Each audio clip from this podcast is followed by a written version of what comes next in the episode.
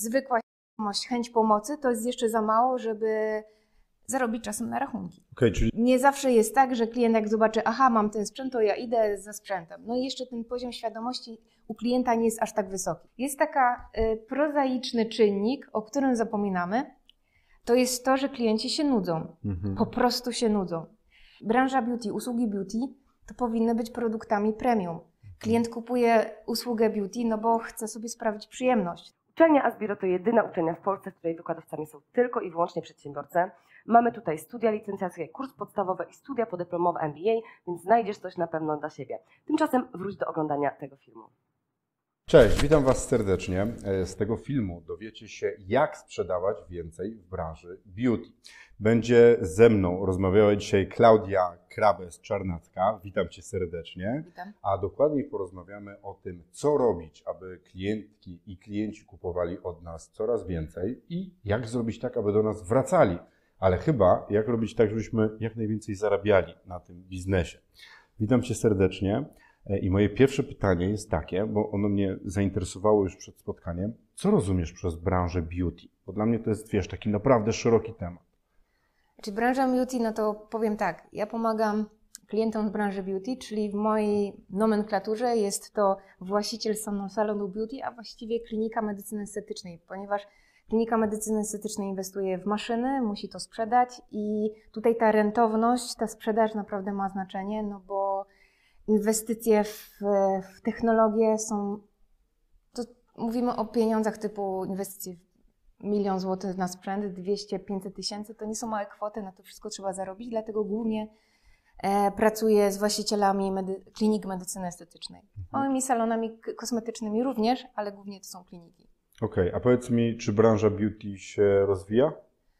Powiem tak, ja jestem w branży beauty, czyli w medycynie estetycznej od samego początku. Początki to były 10-12 lat temu, kiedy technologie wchodziły do Polski i tak właściwie od 10 lat cały czas, e, cały czas ta branża rośnie. E, klienci są coraz bardziej wyedukowani, oni szukają właśnie miejsc, gdzie są dane technologie, już coraz bardziej kojarzą nazwy urządzeń, e, są, coraz bardziej ten klient jest świadomy, dlatego myślę, że jak najbardziej jeszcze jest ten poziom wzrostu, ponieważ też mamy takie, może tak to nazwę, parcie na szkło już zauważyłam taki trend, że klient sobie może albo klientka sobie odmówi nowych butów, czy tam ubrania, ale z medycyny estetycznej już nie do końca jest w stanie zrezygnować. Czyli bardziej zadba o swoje ciało niż tak. o ciuchy, które kupuje. Tak. Powiedz mi, nazywasz siebie trenerem sprzedaży właśnie mhm. z branży beauty. Czy to znaczy, że właścicielki i właściciele salonów właśnie medycyny estetycznej mają problemy ze sprzedażą? Powiem tak. Yy no mają problemy ze sprzedażą, ze względu na to, że mm, jeżeli jesteśmy lekarzem, jeżeli jesteśmy kosmetologiem, to nas uczą, jak e, wykonywać zabiegi, jak pomagać klientom, e, jak zadbać o siebie i tak dalej, ale nikt nas e, na kierunku kosmetologicznym czy tam lekarskim nie uczy sprzedawać. No ale jednak mimo wszystko trzeba temu klientowi sprzedać dany zabieg, trzeba mu wzbudzić e, potrzebę.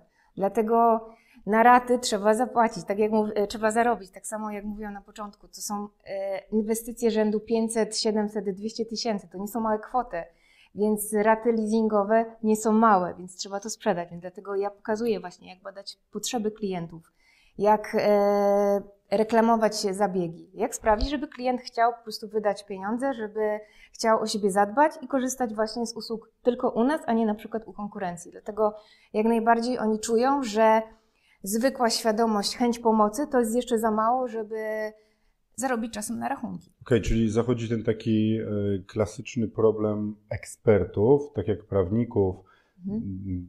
ekspertów finansowych i innych, którzy są świetni w tym, co robią, tak. ale uważają, że dobry produkt sam się sprzeda, tak? tak. I że jeszcze tak. marketing to jest gdzieś tam, jesteśmy świetni i będzie działać. Dobra, a powiedz mi, jakie są w takim razie największe błędy sprzedażowe w pozyskiwaniu klientów w tej branży?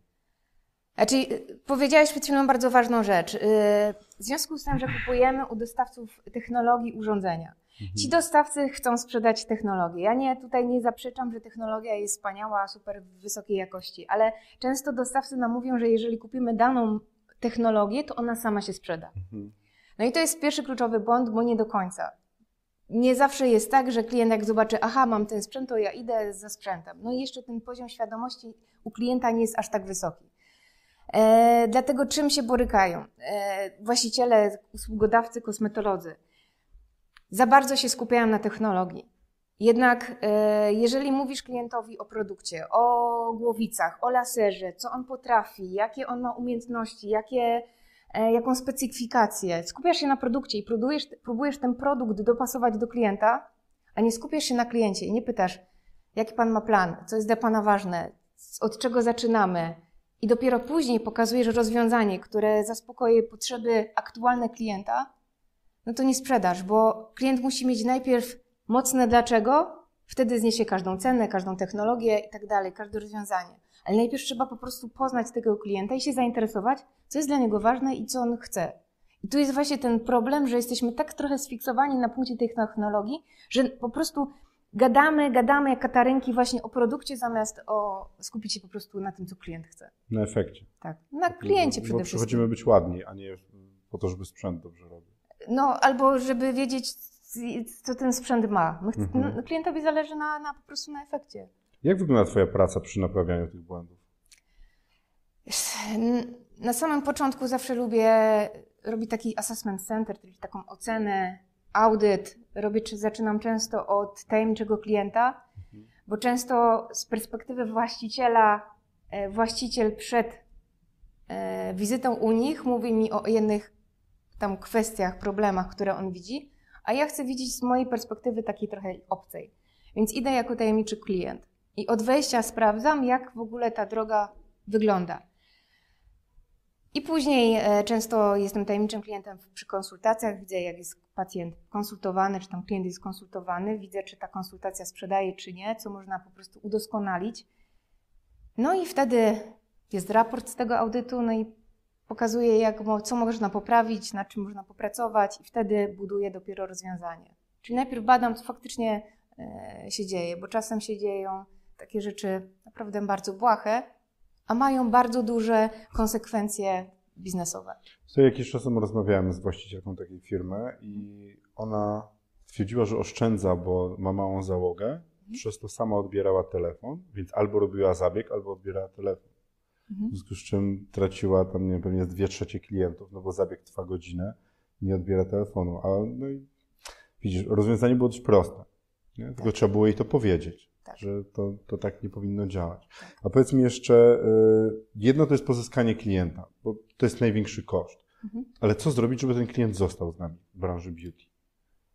Nie musimy go szukać znowu, tylko zapraszamy ponownie. Jak to robić? Tak, e, no wiadomo, no, jest taka e, prozaiczny czynnik, o którym zapominamy, to jest to, że klienci się nudzą. Mhm. po prostu się nudzą.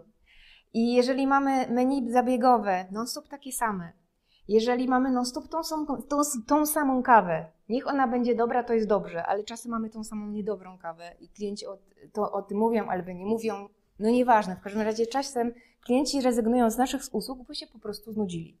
Albo jeżeli jest wysoka e, konkurencyjność na przykład jest podobny salon za rogiem, to no pójdzie tam, bo tam zobaczył, że jest chociażby głupia kawa inaczej podawana, albo są inne smaki kawy, albo e, jeżeli nie jest zbudowana relacja z klientem, to on się znudził i idzie po prostu do konkurencji.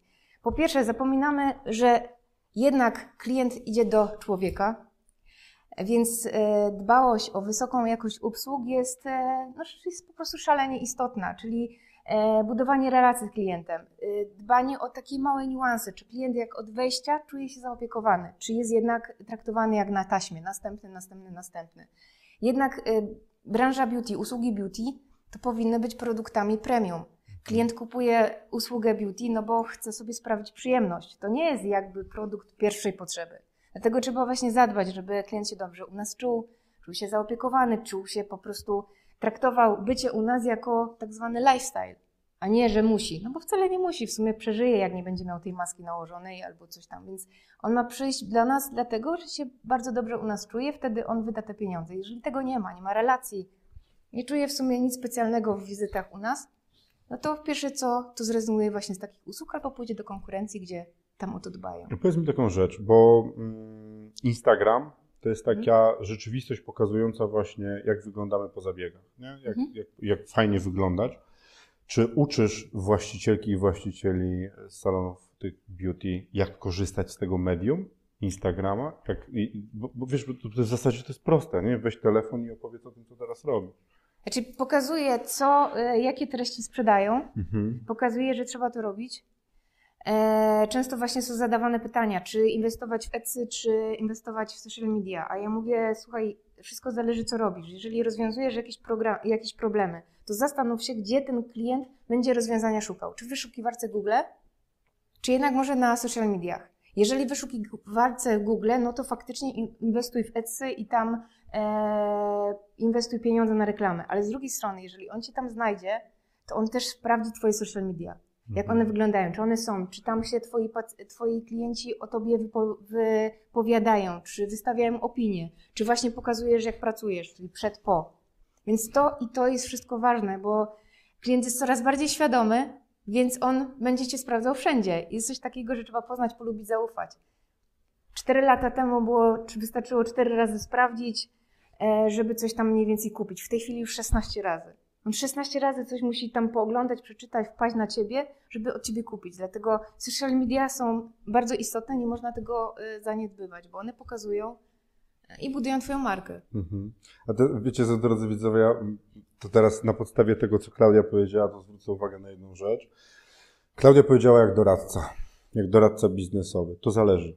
Co robisz, jak robisz, korzystaj albo z Google'a, albo z Face'a. Ludzie od Facebooka albo od Instagrama sprzedadzą Facebooka albo Instagrama. Ludzie od Google'a sprzedadzą ci Google Adsy. Mhm. No to właśnie to zależy. Trzeba sprawdzić, czy w? Twoim świecie będzie lepsze to, czy tamto? Nie? Bo ja, ja często też słyszę takie pytanie. Słuchaj, czego mam używać? Ja, nie wiem. Nie wiem, musimy to zobaczyć. Nie? No ale przecież coś lepiej sprzedaje, no ale to zależy co. Nie? No bo teraz w ogóle jest taki trend, że w cudzysłowie starsi ludzie zostają na fejsie. Nie? A reszta Tak, idzie gdzieś tam dalej. TikTok, Instagram. Nie? Podobało mi się, to fajne. To, Tak, Nie, wszy- to wszystko jest zależy, to jest kto jest doradzanie, klient. Tak. Gdzie jest to twój klient i jakie rozwiązujesz problemy? No bo jeżeli Czyli- zamykasz naczynia, no to raczej zamykania naczyń w Google klient będzie szukał. mhm. Dopiero później na fejsie. No tak, a to już na koniec powiedz mi, co zrobić, żeby klient polecał nam miejsce, do którego przychodzi? Spotykamy się, Kl- Klaudia, słuchaj, byłem na takim, takim po prostu ulepszaniu twarzy, że nie uwierzysz, nie? Aż teraz do telewizji się nadaje. E, Czy powiem tak w zupełnie skrócie, bo nie mamy czasu.